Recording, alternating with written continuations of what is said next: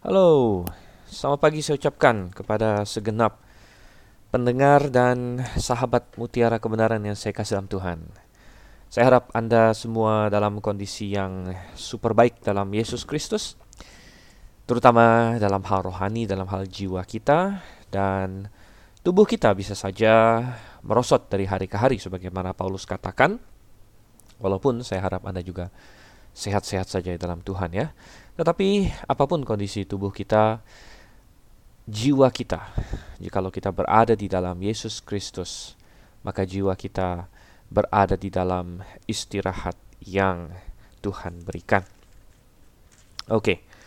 Dan sahabat kebenaran yang saya kasih dalam Tuhan, kembali kita akan melanjutkan acara mutiara kebenaran kita. Hari ini kita sudah sampai kepada ulangan pasalnya yang ke-12. Secara sistematis perlahan perlahan-lahan satu pasal demi satu pasal. Ya, kita habiskan kira-kira waktu satu jam ya kurang lebih. Ada banyak pasal yang uh, tidak terlalu banyak materinya. Kita bisa gabungkan dengan pasal lain atau ya kita bahas tersendiri namun um, tidak sampai satu jam ya. Mungkin sekitar 45 menit 50 menit tidak apa-apa. Yang penting kita secara sistematis mempelajari firman Tuhan Baik, mari kita membuka Alkitab kita bersama. Ulangan pasalnya yang ke-12. Saya harap Anda bisa mengikuti di dalam Alkitab Anda bersama dengan saya. Tentunya kalau Anda tidak sedang menyetir atau melakukan hal-hal seperti itu. Mari kita baca, tapi sebelum kita membacanya, saya akan memimpin kita di dalam doa untuk meminta pertolongan Tuhan. Bapa yang di surga, berikanlah kepada kami ya Bapa yang baik, kasih karuniamu sehingga kami dapat mempelajari firman-Mu pada saat ini, pada hari ini. Khususnya Tuhan, ulangan pasal 12, ya, suatu kitab yang roh kudus-Mu inspirasikan kepada Musa dan mengandung banyak pelajaran bagi kami. Dan Tuhan kami rindu agar pelajaran-pelajaran itu uh, sungguh berguna bagi kami pada pada hari ini, entah itu pagi, siang, ataupun malam Tuhan, kapan pun umatmu, kapan pun individu yang mendengarkan ini uh, mendengarkannya, engkau yang kiranya mencerahkan baik hati dan pikiran hamba sebagai pembicara, sebagai pengupas maupun individu yang mendengarkan. Sekali lagi kami ucapkan terima kasih dan kami berdoa dalam nama Yesus Kristus. Amin. Ulangan pasalnya yang ke-12, coba kita lihat, saya akan ajak kita baca. Pertama-tama kita akan baca terlebih dahulu ayat 1 sampai dengan ayatnya yang keempat. Inilah ketetapan dan peraturan yang harus kamu lakukan dengan setia di negeri yang diberikan Tuhan Allah nenek moyangmu kepadamu untuk memilikinya selama kamu hidup di muka bumi. Kamu harus memusnahkan sama sekali segala tempat di mana bangsa-bangsa yang daerahnya kamu duduki itu beribadah kepada Allah mereka, yakni di gunung-gunung yang tinggi, di bukit-bukit dan di bawah setiap pohon yang rimbun. Mesbah mereka harus kamu robohkan, tugu-tugu berhala mereka kamu remukkan, tiang-tiang berhala mereka kamu bakar habis, patung-patung Allah mereka kamu hancurkan, dan nama mereka kamu hapuskan dari tempat itu jangan kamu berbuat seperti itu terhadap Tuhan Allahmu. Oke. Kembali kita melihat di sini Musa mengantisipasi bahwa mereka akan masuk ke dalam tanah perjanjian dan oleh karena itu sudah memberikan instruksi-instruksi mengenai bagaimana mereka harus hidup di tanah perjanjian itu. Tentunya Musa melakukan ini karena dia memiliki iman yang sempurna, iman yang kokoh kepada janji Tuhan bahwa apa yang telah Tuhan janjikan pasti akan dia genapi. Sebenarnya Musa sendiri sudah siap untuk masuk ke Kanaan 38 tahun yang lalu ketika di Kadesh Barnea mereka Tuhan perintahkan untuk maju tetapi karena ada 12 pengintai dan 10 di antaranya membawa berita yang menyesakkan hati orang Israel. Maka mereka gagal, mereka tidak mau percaya kepada Tuhan mereka tidak mau melangkah dengan iman untuk merebut tanah itu. Dan akhirnya 38 tahun kemudian saudara generasi yang selanjutnya lah yang akan masuk. Tapi Musa punya keyakinan penuh. Tidak peduli ada rintangan apa pun, ada bangsa apa pun yang sedang melawan mereka, yang akan berhadapan dengan mereka, Musa tidak takut. Walaupun Musa sendiri memang tidak akan masuk, Musa tahu, tapi dia tahu bahwa Tuhan akan membawa orang Israel masuk. Oleh karena itu dia sudah memberikan kepada orang Israel di sini segala instruksi mengenai hal itu dan di pasal 12 ini kembali ditekankan hal yang sangat penting sekali yaitu apa dikatakan kalau mereka sudah masuk ke tanah itu maka nomor satu yang paling penting dan ini berkaitan dengan hukum yang pertama dan hukum yang kedua ingat dalam 10 hukum yang boleh dibilang adalah landasan dari semua hukum-hukum yang lain dalam 10 hukum itu hukum pertama adalah apa Jangan ada padamu Allah lain di hadapanku. Dan hukum yang kedua adalah jangan membuat bagimu patung yang menyerupai apa pun. Dan mereka harus sangat sangat-sangat berhati-hati mengenai hal ini karena uh, mungkin ada suatu katakanlah kecenderungan kalau misalnya mereka tidak membuat patung tapi kalau patung itu sudah tersedia bagaimana? Wah, mereka bisa lebih mudah untuk sujud menyembah kepadanya. Dan kadang-kadang dosa itu seperti itu, saudara Dosa itu bergantung kepada kesempatan kadang-kadang. Oke, katakanlah uh, kalau misalnya Anda disuruh uh, mencari pornografi, misalnya kan, anda disuruh mencari pornografi, Anda tidak akan lakukan itu. Anda tidak akan pergi ke tempat rental DVD untuk katakanlah uh, menyewa film-film biru atau atau film-film porno atau Anda tidak akan sengaja uh, pergi ke strip club atau lain sebagainya ya karena Anda tahu itu salah. Tetapi jauh lebih sulit untuk uh, mewanti-wanti dan berwaspada kalau itu sudah tiba-tiba tersedia di depan Anda begitu. Kalau misalnya uh, secara tidak sengaja Anda temukan, misalnya Anda sedang di katakanlah ya ke, ke ke sedang di kantor mana begitu kan atau di rumah teman atau bagaimana eh tiba-tiba ada majalah porno di situ. Anda tidak mencarinya, Anda tidak Anda bukan pergi bukan Anda yang pergi sewa tapi sudah tersedia di depan Anda. Nah, di situ ada godaan Saudara Ini hanya satu contoh saja. Saya mengambil pornografi sebagai contoh, tapi ini bisa kita terapkan kepada apa pun juga yang lain. Artinya sering kali uh, adanya kesempatan untuk berdosa merupakan suatu godaan untuk berdosa. Oleh karena itu, demikian juga dalam hal penyembahan berhala, apalagi untuk orang Israel yang kalau kita baca sejarahnya uh, mereka berulang kali jatuh ke dalam penyembahan berhala dan Tuhan berkata di situ, jangan sampai itu menggoda kamu, begitu. Jangan sampai memang mungkin kamu tidak membuat patung, tapi kalau patung yang tersisa dari orang-orang Kanaan ini dibiarkan, maka akan ada godaan bagi sebagian orang untuk menyembah patung-patung itu. Oleh karena itu, itu harus dimusnahkan sama sekali. Dan ini juga menunjukkan bahwa Tuhan membenci praktek-praktek yang dilakukan oleh orang-orang kanan ini dan itu salah satu alasan Tuhan memusnahkan mereka dan memakai Israel untuk menghukum mereka. Oleh karena itu Israel harus benar-benar memusnahkan segala tempat ini. Dan uh, kalau kita terapkan kembali ke ke hidup kita, mungkin Anda berkata, "Saya tidak menyembah patung mana-mana." Oh, jangan terlalu uh, jangan terlalu yakin dulu bahwa kita tidak jatuh kepada penyembahan berhala karena berhala hari ini bukanlah dalam bentuk patung yang terbuat dari emas atau atau perak atau batu atau atau kayu tetapi apa pun juga yang menjadi perintang, menjadi halangan, menjadi momok atau menjadi alternatif ya yang melebihi Tuhan dalam hidup kita. Wah, itu adalah berhala bagi kita. Kadang-kadang berkat yang Tuhan berikan pada kita menjadi berhala ketika kita terlalu malah lebih menyukai berkatnya daripada Tuhan yang memberikannya. Jadi mereka harus memusnahkan, musnahkan semua godaan dan ini juga kita bisa terapkan musnahkan semua godaan dalam hidup kita. Tadi kita mengambil contoh pornografi. Musnahkan semua godaan sudah kasih Tuhan. Memang kalau zaman dulu katakanlah 30 40 tahun yang lalu orang mau mencari pornografi bisa tapi dia harus harus keluar banyak energi, banyak cara ya dia pergi ke tempat tertentu atau dia menyewa barang tertentu. Namun hari ini betapa mudahnya orang tinggal masuk internet dan internet ada di mana-mana, ada di komputer kita, ada di handphone kita. Oleh karena itu kita benar-benar harus memusnahkan godaan-godaan itu.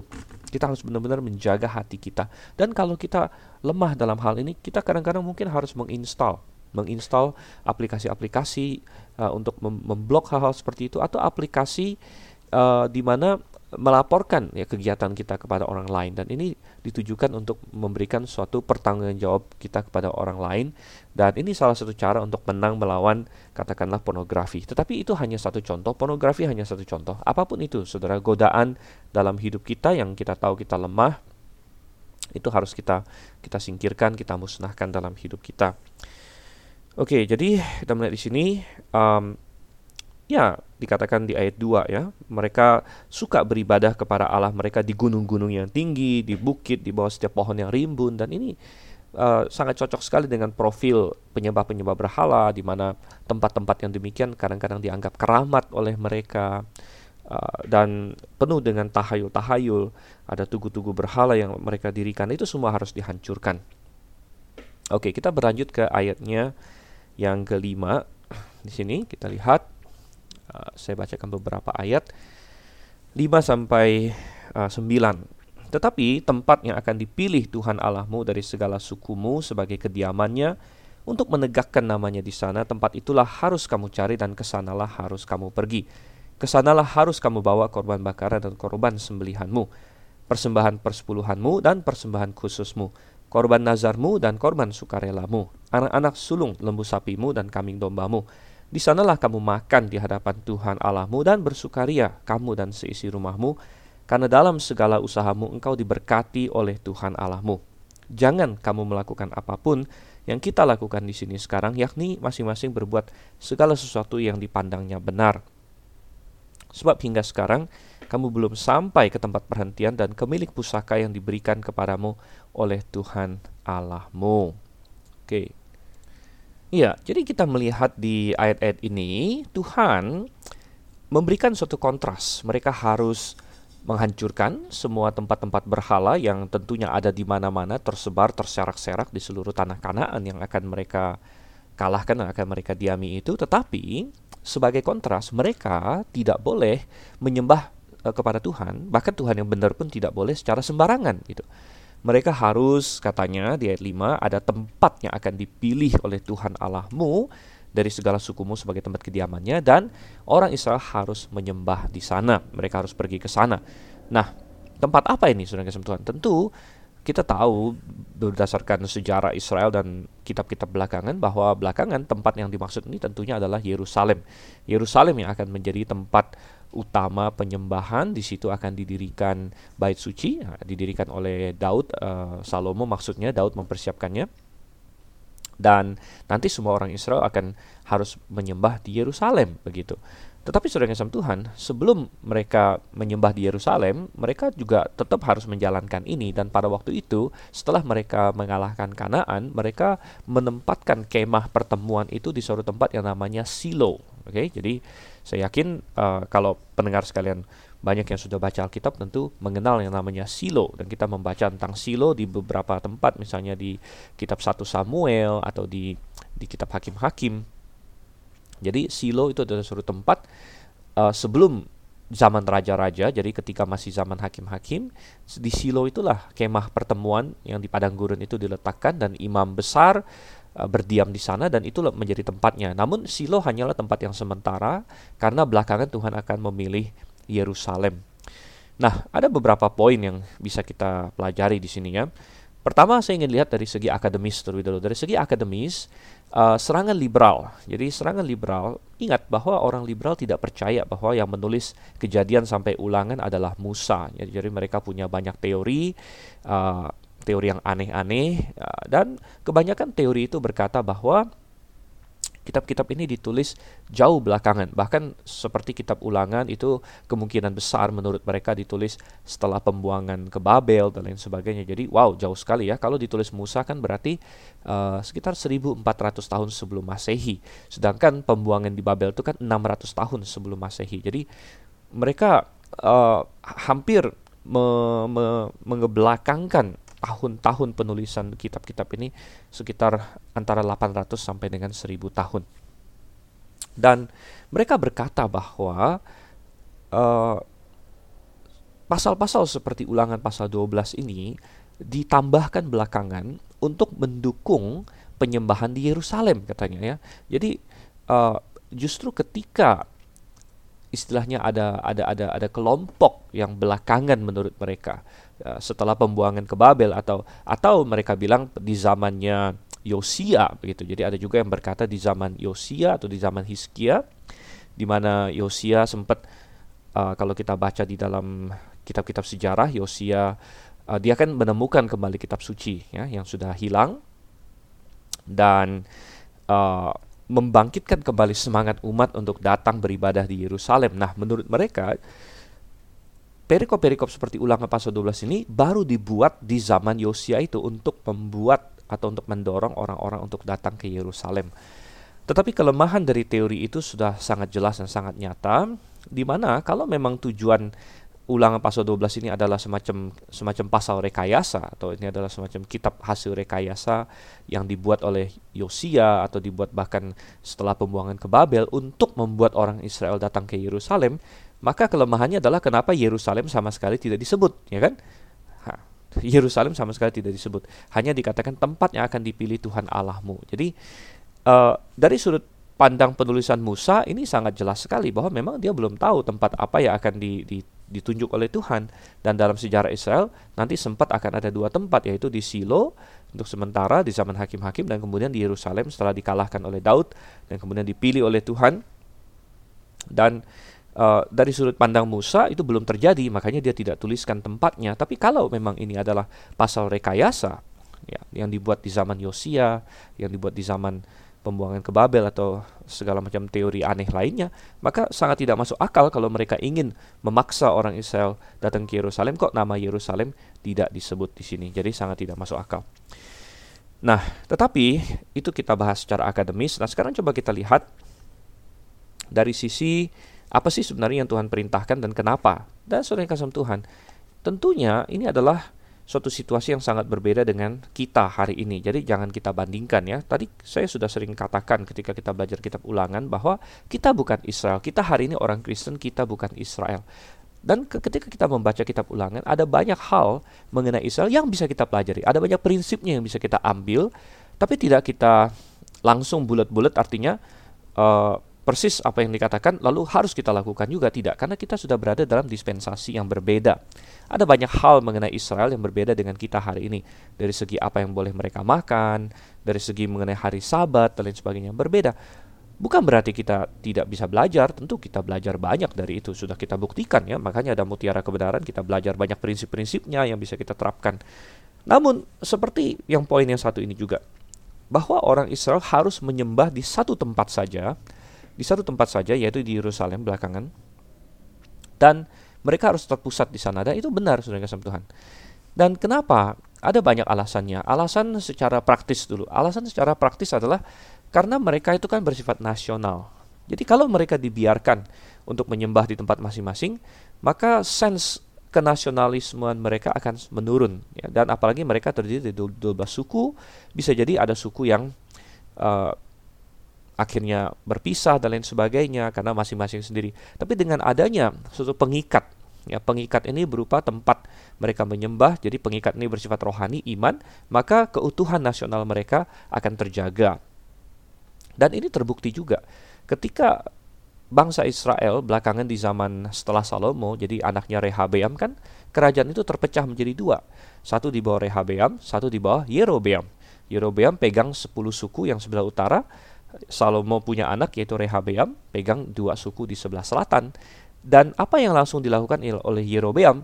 Yerobeam langsung menyuruh orang-orang jangan lagi datang ke Yerusalem. Nah, tentu itu adalah suatu kesalahan besar ya dan Yerobeam menjadi seorang penjahat besar yang yang membuat uh, bangsa Israel menyimpang dan Tuhan hukum dia dengan sangat luar biasa. Namun kita melihat bahwa Yerobeam saja tahu dan dia bisa lihat secara politis bahwa kalau semua suku harus datang ke Yerusalem, maka tetap akan ada suatu sense of unity atau suatu rasa kebersamaan dan ini yang sebenarnya yang Tuhan inginkan ya secara secara politik dan juga secara secara uh, rohani ya jauh lebih gampang untuk menghilangkan penyembahan berhala kalau mereka harus menyembah di di satu tempat yaitu di Yerusalem atau di Silo sebelum Yerusalem di situ. Nah, uh, bukan saja mereka harus menyembah di sana, ya semua persembahan kepada Tuhan harus dibawa ke sana di ayat yang ke-6 ya ada ada korban bakaran, ada persembahan persepuluhan dan lain sebagainya dibawa ke sana uh, dan mereka makan ya jadi makan bersukaria di sana. Jadi itu itu yang Tuhan inginkan bagi mereka. Nah, sekarang kita bandingkan dengan apa yang terjadi dengan kita hari ini. Kita sebagai orang Kristen hari ini Tentu kita tidak uh, menyembah berdasarkan lokasi lagi. Ini sangat jelas sekali di dalam Injil Yohanes. Coba kita buka Yohanes. Ya, Yohanes pasalnya yang keempat. Dan dalam kisah ini Tuhan Yesus berbincang-bincang dengan seorang perempuan Samaria dan orang Samaria dengan orang Yahudi perdebatan mereka dari dulu adalah harus menyembah di mana karena orang Samaria menyembah di suatu gunung namanya Gunung Gerizim gitu ya. Nah, Gunung Gerizim. Uh, tetapi orang Israel tentunya bersikeras bahwa mereka harus menyembah di Yerusalem. Sehingga ketika wanita ini ya agak terpojok dan lain sebagainya mengenai masalah suaminya, dia ingin mengetes Tuhan Yesus. Wah, Tuhan Yesus ini kan orang Yahudi, dia dia mau bela Yahudi atau bela bela orang Samaria begitu. Sehingga di Yohanes 4 ayat 20, perempuan Samaria ini berkata, "Nenek moyang kami menyembah di atas gunung ini, yaitu Gunung Gerizim." Tetapi kamu katakan bahwa Yerusalemlah tempat orang menyembah. Jadi dia ingin mengetes Tuhan Yesus. Ah, ini Tuhan Yesus ini uh, ya namanya juga orang Yahudi, ya pastilah dia membela orang Yahudi. Tetapi apa kata Tuhan? Kata Yesus kepadanya, percayalah kepadaku, hai perempuan, saatnya akan tiba bahwa kamu akan menyembah Bapa bukan di gunung ini dan bukan juga di Yerusalem. Wow, Tuhan Yesus memberikan sesuatu yang baru di sini. Dan ayat 22, kamu menyembah apa yang tidak kamu kenal, kami menyembah apa yang kami kenal, sebab keselamatan datang dari bangsa Yahudi. Nah Tuhan Yesus memang menekankan bahwa sebenarnya di zaman Israel yang benar itu memang menyembah di Yerusalem. Artinya memang apa yang diajarkan orang Yahudi itulah yang benar menyembah di Yerusalem karena memang itu yang di, dikatakan di kitab ulangan kemudian di kitab yang lain-lain. Tetapi dia meyakinkan si perempuan Samaria ini bahwa tapi nggak usah khawatir, nggak usah khawatir karena di zaman yang baru ini kalau kamu mau datang kepada Tuhan kamu tidak perlu lagi menjadi seorang Yahudi. Ya, ini ini adalah misteri, ini adalah suatu rahasia besar yang Paulus katakan karena di zaman Israel kalau seseorang ingin uh, punya hubungan dengan Tuhan, maka dia harus mencoba mencari cara masuk ke dalam Israel. Dan ada orang-orang yang bisa, ya apakah dengan pernikahan ataukah dengan masuk Israel dengan memberi diri sunat dan lain sebagainya. Ada banyak yang yang masuk Israel, ada banyak wanita yang masuk Israel misalnya Tamar, ya bahkan masuk ke dalam jalur Mesias.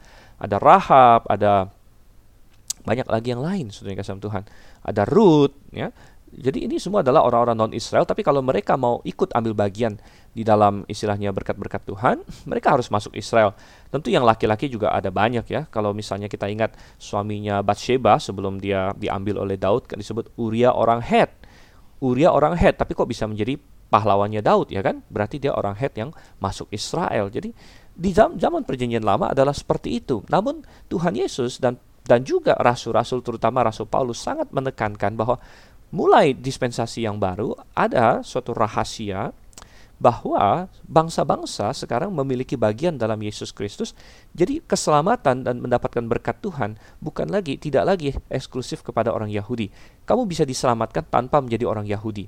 Dan ini tentunya menjadi perdebatan di abad pertama yang sangat sengit karena ada sebagian orang Yahudi yang menjadi Kristen yang masih sepertinya mau ya mungkin karena uh, kesombongan kedagingan mereka lah begitu kalau kalau Paulus bilang kesombongan kedagingan mereka mereka ingin membuat semua orang Kristen ya harus jadi Yahudi juga. Tapi Paulus sangat menentang hal tersebut. Dan sebenarnya Tuhan Yesus juga menentang hal tersebut. Makanya dikatakan Tuhan Yesus berkata di Yohanes 4 ayatnya yang ke-23, saatnya akan datang dan sudah tiba sekarang. Jadi kedatangan Tuhan Yesus yang didahului oleh Yohanes Pembaptis uh, mengantarkan manusia kepada suatu zaman yang baru katanya. Nah, saatnya akan datang dan sudah tiba sekarang bahwa penyembah-penyembah benar akan menyembah Bapa dalam roh dan kebenaran. Sebab Bapa menghendaki penyembah-penyembah demikian. Oke, jadi menyembah Tuhan bukan lagi menuntut di tempat tertentu tapi menyembah dalam roh dan kebenaran katanya ya dalam roh dan kebenaran. Ayat 24 Allah itu roh dan barang siapa menyembah dia harus menyembahnya dalam roh dan kebenaran. Jadi ini prinsip kita hari ini prinsip kita adalah bahwa kita tidak lagi terkungkung kepada tempat tertentu untuk menyembah Tuhan. Kita bisa menyembah Tuhan kapan saja dan di mana saja. Ya, kapan saja kita bisa berdoa kepada Tuhan. Inilah menyembah dalam roh. Jadi tidak tidak harus ada tempat tertentu, tidak harus ada posisi tertentu ya. Misalnya ada orang kalau mau menyembah Tuhan dia harus sujud, misalnya harus sujud atau harus dalam uh, duduk lotus ya bertapa lah lain sebagainya. Ya nggak ada masalah sih dengan semua posisi itu tapi itu bukan posisi satu-satunya yang Tuhan inginkan. Ada orang yang sedang sakit terbaring dia berdoa sama Tuhan. Itu boleh saudara itu berdoa dalam roh. Ada orang yang mau berlutut silakan. Ada orang yang posisinya lagi duduk, ada yang sedang posisinya berdiri dan lain sebagainya. Nggak masalah, Tuhan tidak memper, tidak mempermasalahkan posisi kita bagaimana dalam kita datang kepada Tuhan. Nah, saudara yang kasih Tuhan, kita melihat di sini uh, menyembah Tuhan dalam roh. Kemudian menyembah Tuhan dalam kebenaran. Apa artinya itu? Menyembah Tuhan dalam kebenaran ya berarti harus sesuai dengan kebenaran Tuhan. Nggak boleh asal-asalan kita sendiri. Dan dalam hal ini kita bisa menarik menarik paralel dengan yang di ulangan pasal 12 itu saudara. Karena di ulangan pasal 12 kan dikatakan kamu harus menyembah Tuhan di satu tempat yang Tuhan pilih yaitu Yerusalem belakangan kita tahu. Dan kita bilang bagaimana kita terapkan itu pada kita? Tentu bukan bahwa kita harus ke Yerusalem hari ini, tidak ya kan? Tadi kita sudah bahas panjang lebar. Kita kan menyembah dalam roh, bukan lagi bukan lagi uh, ter, terbatas oleh tempat. Namun paralel atau pelajarannya adalah bahwa kita harus menyembah dalam kebenaran. Dan artinya apa? Artinya ketika kita datang kita mau menyembah Tuhan, itu bukan suka-suka kita, bukan terserah kita, bukan berdasarkan kemauan kita. Oh Tuhan, saya mau menyembah kamu caranya begini, cara saya Ya nggak bisa. Namanya kita mau menyembah Tuhan harus caranya Tuhan. Nah caranya Tuhan tergantung dispensasi apa. Dalam dispensasi Israel, caranya Tuhan adalah kamu harus ke Yerusalem. Kalau ada orang yang berkata, ah nggak mau ah, kok Yerusalem sih, saya maunya di di mana begitu. Nah ini itu seperti yang dilakukan oleh Yerobeam si pemberontak itu. Katanya dia nggak mau nggak mau rakyatnya ke Yerusalem, dia bikin dia bikin lembu emas, satu ditaruh di Dan, satu ditaruh di Betel. Dan dia bilang sama orang Israel, sekarang menyembah nggak usah ke Yerusalem, di Dan dan di Betel saja. Tuhan sangat marah dengan dia. Dan wow, sudah nggak Tuhan. Hampir setiap raja berikutnya yang sudah jauh dari Yerobeam pun selalu dikatakan uh, dia ikut dalam kesalahannya Yerobeam bin Nebat dan lain sebagainya. Jadi menyembah Tuhan dalam kebenaran berarti menyembah Tuhan sesuai dengan yang Tuhan inginkan. Sesuai dengan yang Tuhan inginkan berarti sesuai dengan cara Tuhan. Ini sudah dimulai sejak di Taman Eden, sudah dimulai sejak Adam dan Hawa, kemudian anak mereka Kain dan Habel. Ya, mereka mempersembahkan persembahan. Kita membaca Kain mempersembahkan sayur-sayuran, Habel mempersembahkan kambing domba dan Tuhan menerima persembahan Habel tapi menolak persembahan Kain. Wow, kenapa saudara kasih Tuhan? Karena Habel mempersembahkan yang Tuhan inginkan, sedangkan Kain tidak. Ya, Kain tidak mempersembahkan yang Tuhan inginkan karena kita baca di dalam Ibrani bahwa uh, pers ya Tuhan menginginkan persembahan yang berdarah. Ya, ada darahnya karena darah nanti kita akan baca juga di sini ya. Darah melambangkan kematian Yesus Kristus nantinya darah melambangkan penebusan dosa. Jadi kita melihat di situ uh, kita harus menyembah Tuhan. Bagaimana dengan zaman sekarang ini menyembah Tuhan dalam roh dan kebenaran? Tadi kita bilang dalam roh tidak terbatas tempat, tidak terbatas waktu, tidak terbatas postur dan sebagainya, tapi tetap harus dalam kebenaran. Kebenaran berarti sesuai dengan Alkitab, sesuai dengan apa yang Tuhan tuliskan untuk zaman kita. Berarti apa? Misalnya Tuhan ingin setiap orang yang percaya, misalnya uh, ya tentu kalau dia sudah percaya memberi diri dibaptis. Oke, itu adalah hal yang penting jadi Anda perlu memberi diri baptis, bukan memberi diri dipercik atau diberi orang dipercik ketika Anda masih bayi, itu belum dibaptis dengan sama Tuhan. Anda perlu memberi diri dibaptis.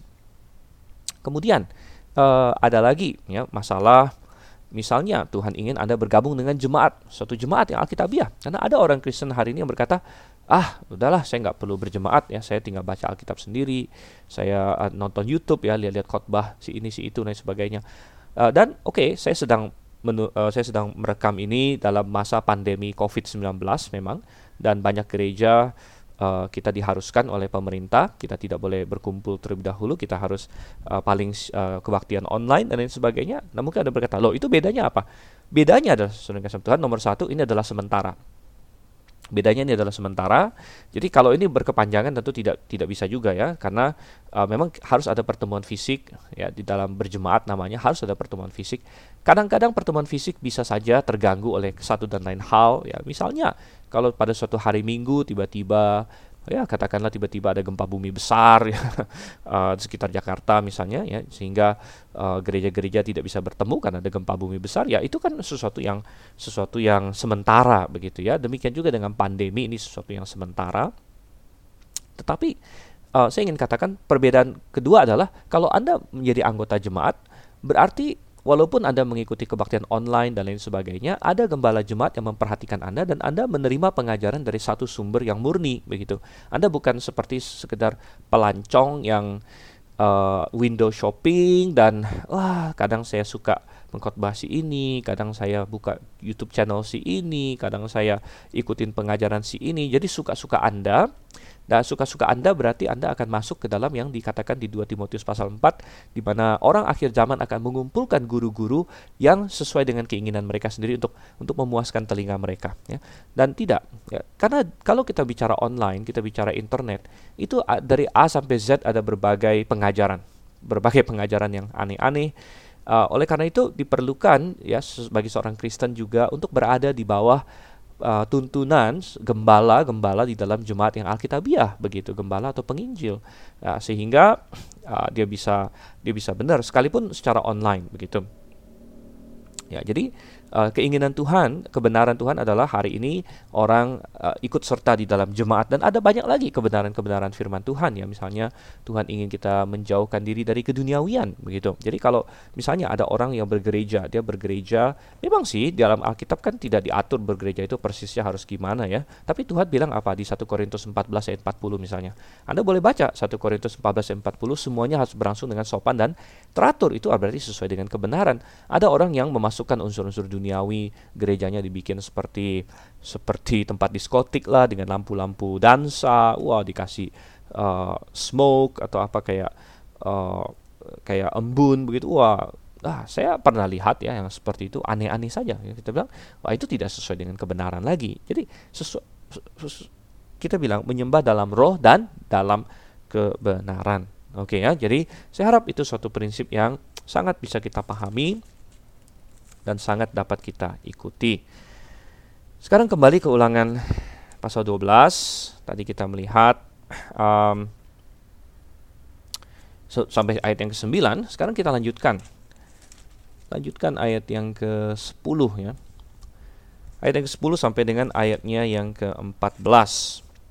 Tetapi apabila nanti sudah kamu seberangi sungai Yordan dan kamu diam di negeri yang diberikan Tuhan Allahmu kepadamu untuk dimiliki, nah apabila ia mengaruniakan kepadamu keamanan dari segala musuhmu di sekelilingmu dan kamu diam dengan tentram, maka ke tempat yang dipilih Tuhan Allahmu untuk membuat namanya diam di sana, haruslah kamu bawa semuanya yang kuperintahkan kepadamu, yakni korban bakaran dan korban sembelihanmu, persembahan persepuluhanmu dan persembahan khususmu, dan segala korban nazarmu yang terpilih yang kamu nazarkan kepada Tuhan. Okay? Kamu harus bersukaria di hadapan Tuhan Allahmu, kamu ini anakmu laki-laki dan anakmu perempuan, hambamu laki-laki dan hambamu perempuan dan orang Lewi yang di dalam tempatmu. Sebab orang Lewi tidak mendapat bagian milik pusaka bersama-sama kamu. Hati-hatilah supaya jangan kau mempersembahkan korban-korban bakaranmu di sembarang tempat yang kau lihat. Ayat 14, tetapi di tempat yang akan dipilih Tuhan di daerah salah satu sukumu, di sanalah harus kau persembahkan korban bakaranmu, dan di sanalah harus kau lakukan segala yang kuperintahkan kepadamu. Oke, jadi uh, beberapa ayat ini menekankan kembali apa yang sudah di, dikatakan, yaitu mengenai tempat yang uh, Tuhan akan tunjuk. Ya. Dan sebenarnya ini melanjutkan ayat 8 dan ayat 9, di mana ayat 8 ayat 9 Tuhan bilang, selama di padang gurun mereka melakukan ya sepertinya seenaknya begitu ya. Mungkin mereka berpikir, toh kita belum masuk kepada uh, janji dan lain sebagainya. Namun Tuhan bilang kalau kamu sudah masuk ke sana jangan seenaknya lagi gitu. Dan rupanya itu gagal mereka lakukan karena nanti kalau kita baca di kitab hakim-hakim uh, komentar Tuhan adalah setiap orang melakukan sesuai dengan apa yang benar di matanya begitu. Mestinya semua orang mengikuti Tuhan gitu kan. Dan uh, Tuhan menekankan bahwa ke tempat yang Tuhan pilih itu nanti mereka harus membawa semua persembahan mereka semua korban-korban mereka dan mereka harus berhati-hati untuk tidak mempersembahkan korban di sembarangan tempat katanya di sembarangan tempat. Dan mereka harus bersuka cita. Nah ini perintah ayat 12 ya. Kamu harus bersukaria di hadapan Tuhan Allahmu. Oh sudah kasih Tuhan. Dan walaupun kita berbeda dispensasi dengan Israel dan kita bukan pergi ke Yerusalem tapi kita juga harus bersuka cita sudah kasih Tuhan. Bersuka cita dalam Tuhan. Ini perintah di dalam 1 Tesalonika 5 ayat 16. Bersukacitalah senantiasa katanya. Bersukacitalah senantiasa. Ada seorang komentator yang berkata, kalau kamu tidak bisa bersukacita uh, karena mungkin situasi kamu atau karena hati kamu bersukacitalah karena itu keharusan katanya. bersukacitalah karena itu keharusan. Ini suatu perintah. Bersukacitalah senantiasa dan kita bisa bersuka cita di dalam keselamatan kita. Kita bisa bersuka cita walaupun di tengah-tengah kesulitan. Karena bagi orang percaya selalu ada yang bisa disukacitakan. Nah, saya tidak berkata bahwa kita tidak bisa sedih hati, saudara yang kasih Tuhan.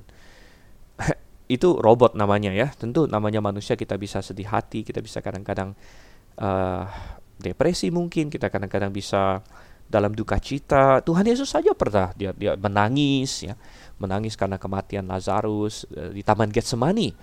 Dia dia berdoa bergumul sampai keringatnya seperti darah katanya. Namun saya yakin dan percaya Tuhan kita sebagai contoh yang sempurna, teladan yang sempurna bagi kita. Di tengah semua itu tidak pernah kehilangan ya suatu rasa ucapan syukur dan suatu rasa bahwa uh, Bapaknya maha baik dan dan dia selalu di tengah segala kesedihan pergumulannya pasti masih ada sesuatu yang dia suka citakan dan saya rasa hal yang sama harus kita kita praktekkan saudara Tuhan orang Israel disuruh kamu harus bersukaria di hadapan Tuhan Allahmu ya karena segala berkat yang Tuhan berikan nah, tentu bagi orang Israel berkat-berkat itu secara simbolis adalah berkat-berkat jasmani tetapi kita kita bersuka cita karena berkat-berkat rohani yang kita miliki oh betapa indah dan sekalipun ada kesulitan jasmani, mungkin masalah kesehatan, mungkin masalah finansial, mungkin kadang-kadang penganiayaan sudah kasih Tuhan. Namun, ya kita tetap bersuka cita di hadapan Tuhan. Oke, kita lanjut lagi. Lanjut lagi. Masih kembali ke ulangan pasalnya yang ke-12. Dan kita baca ayat 15. Uh, 15 sampai 28 agak panjang nggak apa-apa kita Uh, baca satu satu blok ini. Tetapi engkau boleh menyembeli dan memakan daging sesuka hatimu sesuai dengan berkat Tuhan Allahmu yang diberikannya kepadamu di segala tempatmu. Orang najis ataupun orang tahir boleh memakannya seperti juga daging kijang atau daging rusa, hanya darahlah janganlah kau makan. Tetapi harus kau curahkan ke bumi seperti air. Di dalam tempatmu tidak boleh kau makan persembahan persepuluhan dari gandummu, dari anggurmu, dan minyakmu, ataupun dari anak-anak sulung lembu sapimu dan kambing dombamu, ataupun sesuatu dari korban yang akan kau nazarkan, ataupun dari korban sukarelamu, ataupun persembahan khususmu. Tetapi di hadapan Tuhan Allahmu, haruslah engkau memakannya di tempat yang akan dipilih Tuhan Allahmu. Engkau ini, anakmu laki-laki dan anakmu perempuan, hambamu laki-laki dan hambamu perempuan, dan orang Lewi yang di dalam tempatmu, dan haruslah engkau bersukaria di hadapan Tuhan Allahmu, karena segala usahamu. Hati-hatilah supaya jangan engkau melalaikan orang Lewi selama engkau ada di tanahmu. Apabila Tuhan Allahmu telah meluaskan daerahmu nanti seperti yang dijanjikannya kepadamu dan engkau berpikir, aku mau makan daging karena engkau ingin makan daging, maka bolehlah engkau makan daging sesuka hatimu.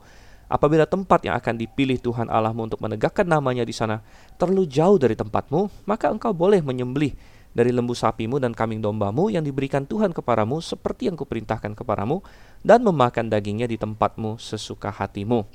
Tetapi engkau harus memakan dagingnya seperti memakan daging kijang atau daging rusa, baik orang najis maupun orang tahir boleh memakannya. Tetapi jagalah baik-baik supaya jangan engkau memakan darahnya, sebab darah ialah nyawa, maka janganlah engkau memakan nyawa bersama-sama dengan daging. Janganlah engkau memakannya, engkau harus mencurahkannya ke bumi seperti air. Janganlah engkau memakannya supaya baik keadaanmu dan keadaan anak-anakmu yang kemudian apabila engkau melakukan apa yang benar di mata Tuhan. Lanjut ya sampai 28 tetapi persembahan kudusmu yang ada padamu dan korban nazarmu haruslah kau bawa ke tempat yang akan dipilih Tuhan. Engkau harus mengolah korban bakaranmu, daging dan darahnya di atas mesbah Tuhan Allahmu dan darah korban sembelihanmu haruslah dicurahkan ke atas mesbah Tuhan Allahmu, tetapi dagingnya boleh kau makan. Oke, okay? um, dengarkanlah baik-baik segala yang kuperintahkan kepadamu supaya baik keadaanmu dan keadaan anak-anakmu yang kemudian untuk selama-lamanya apabila engkau melakukan apa yang baik dan benar di mata Tuhan Allahmu. Oke, ya sungguh indah dan uh, coba kita bahas apa yang dikatakan di sini. Pertama, jadi ini pertama mengenai menyembeli dan makan daging. Kenapa Tuhan atur di sini? Ini berkaitan dengan perintah yang sudah ada sebelumnya, yaitu perintah di dalam kitab Imamat ya, Imamat pasal 17. Imamat pasal 17 dan kalau Anda baca di sini uh, kita tidak akan baca semua, tapi intinya saya bacakan ayat 3 nih ya. setiap orang dari kaum Israel yang menyembelih lembu atau domba atau kambing di dalam perkemahan atau di luarnya tetapi tidak membawanya ke pintu kemah pertemuan untuk dipersembahkan sebagai persembahan kepada Tuhan di depan kemah suci Tuhan, hal itu harus dihitungkan kepada orang itu sebagai hutang darah karena ia telah menumpahkan darah.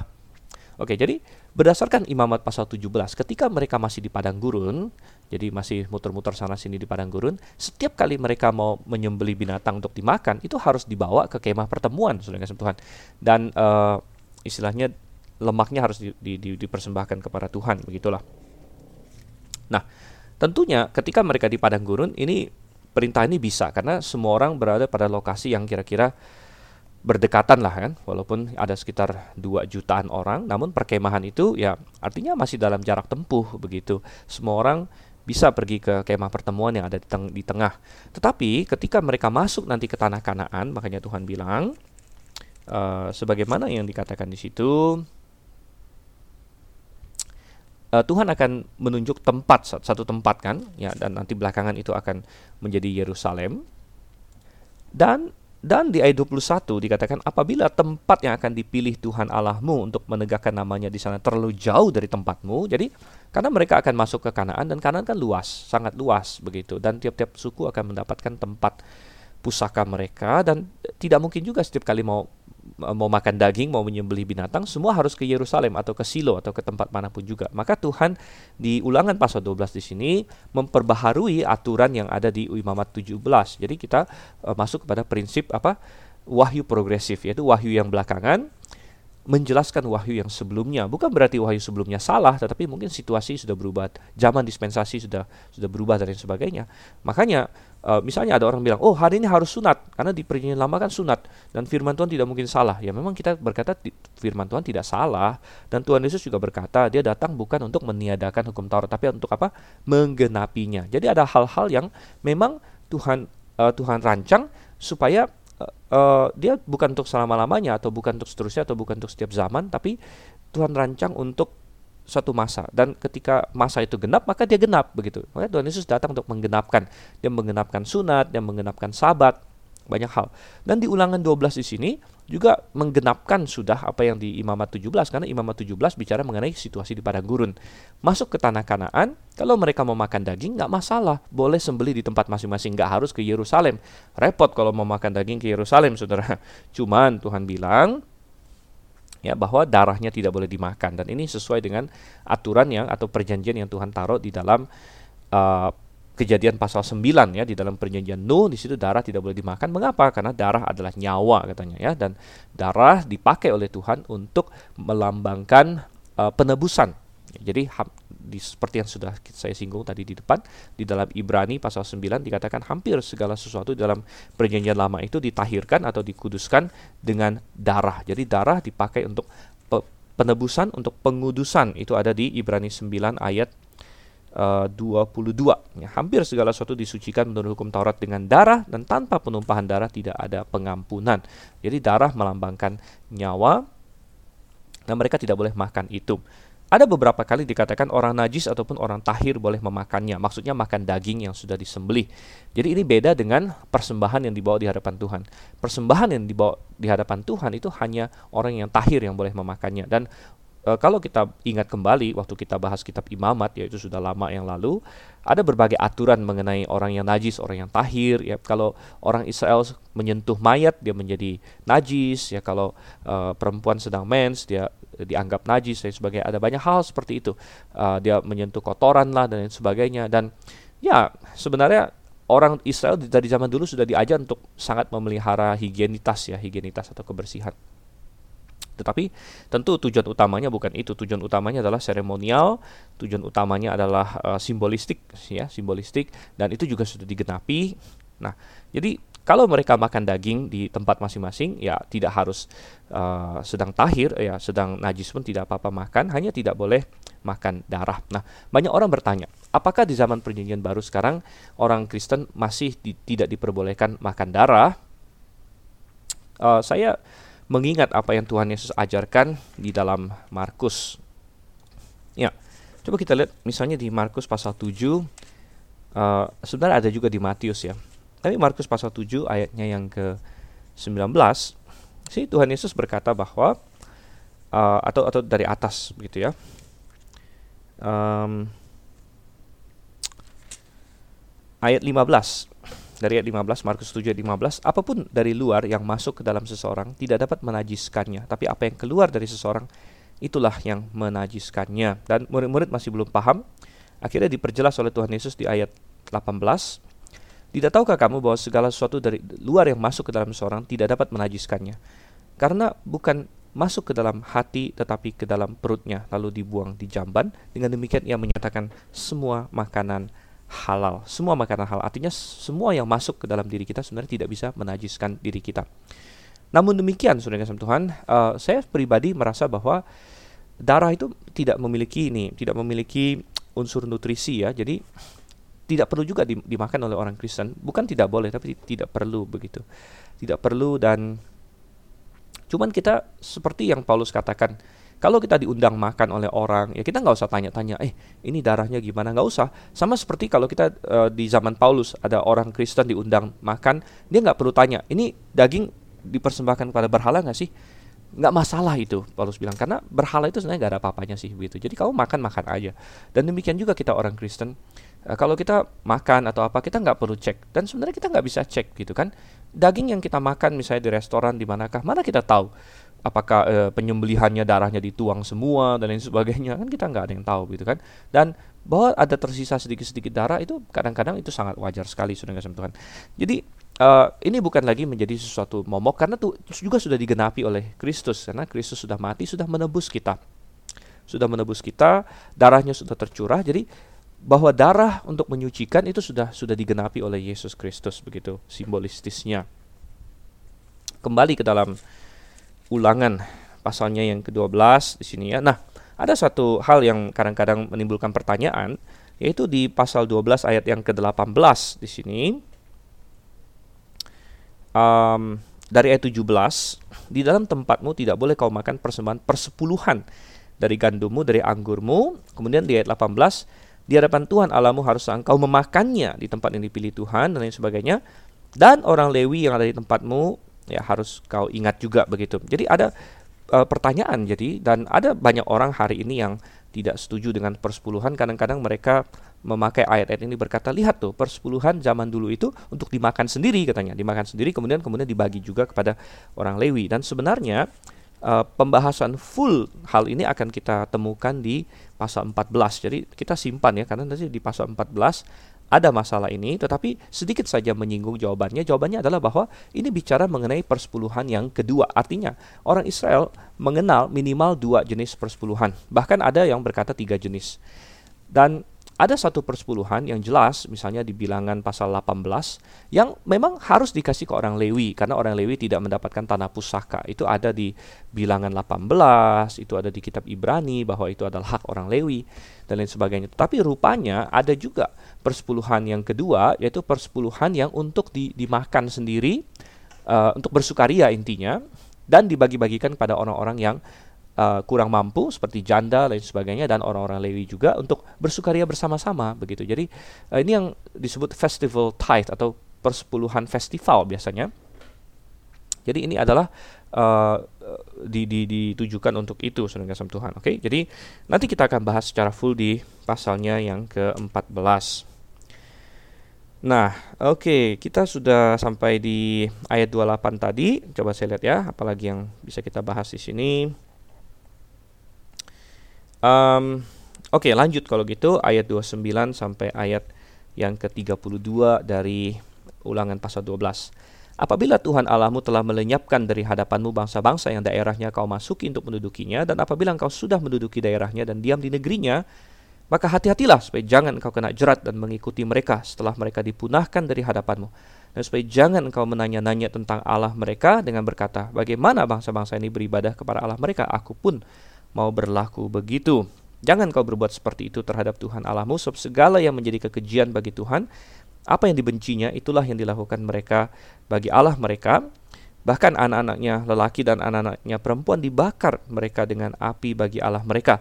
Segala yang kuperintahkan kepadamu haruslah kamu lakukan dengan setia, janganlah engkau menambahinya ataupun menguranginya. Oke, satu peringatan final di sini bahwa mereka tidak boleh menjadi serupa dengan bangsa-bangsa yang akan mereka taklukkan dan uh, tentu pet, uh, padanannya atau aplikasinya bagi kita ada di Roma 12 ayat 2 di mana orang Kristen diperintahkan untuk berubah, akal budi kita harus berubah dan kita tidak boleh menjadi serupa dengan dunia. Saudara kasih Tuhan. Tentu tidak menjadi serupa dengan dunia bukan dalam pengertian misalnya dunia makan nasi kita nggak boleh makan nasi, bukan seperti itu ya. Tetapi sebagaimana Israel mereka tidak boleh mencontoh cara-cara cara-cara bangsa-bangsa yang menentang Tuhan. Demikian juga kita tidak boleh mencontoh cara-cara dunia, filosofi dunia yang menentang Tuhan. Ada musik dunia yang uh, penuh dengan sensualitas, penuh dengan pemberontakan, uh, film-film dunia yang mengagungkan seks sebelum nikah, mengagungkan kekerasan, mengagungkan okultisme dan sebagainya. Ya hal-hal itu harus kita jauhi saudara kasih Tuhan.